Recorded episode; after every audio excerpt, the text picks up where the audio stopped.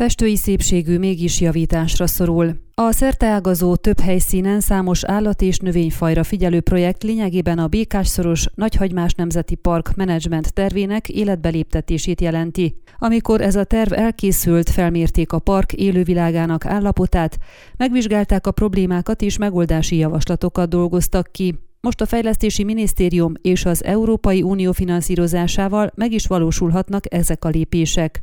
Amint Hegyi Barna, a park igazgatója felsorolta, a halak védelmét célozva vízlépcsőket építenek ki a gyilkos tóból kifolyó patak medrében.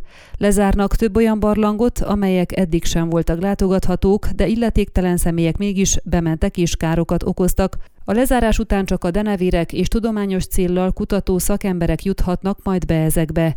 A medvék számára több hektárnyi áfonya és málna ültetvényt hoznak létre távol a gyilkostó településtől.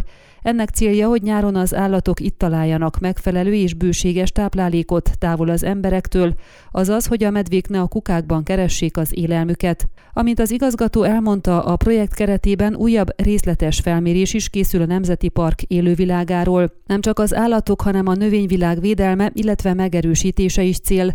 A gyilkostó közelében és vízfolyások partjain éger ligeteket ültetnek, pontosabban visszatelepítik ezeket.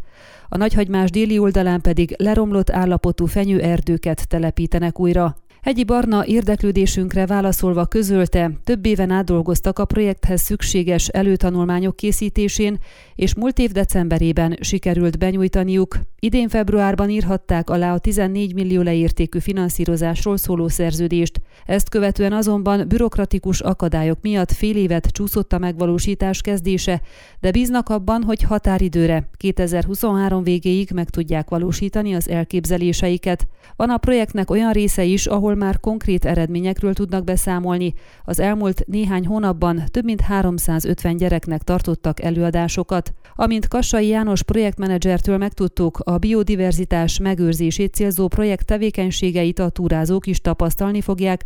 Tájékoztatás, tudatosítás céljával szóba állhatnak velük a park munkatársai, de a terület közelében található falvak lakóit is nyitottá szeretnék tenni a környezetvédelem iránt. Ön a Székelyhon aktuális podcastjét hallgatta. Amennyiben nem akar lemaradni a régió életéről a jövőben sem, akkor iratkozzon fel a csatornára, vagy keresse podcast műsorainkat a székelyhon.pro portálon.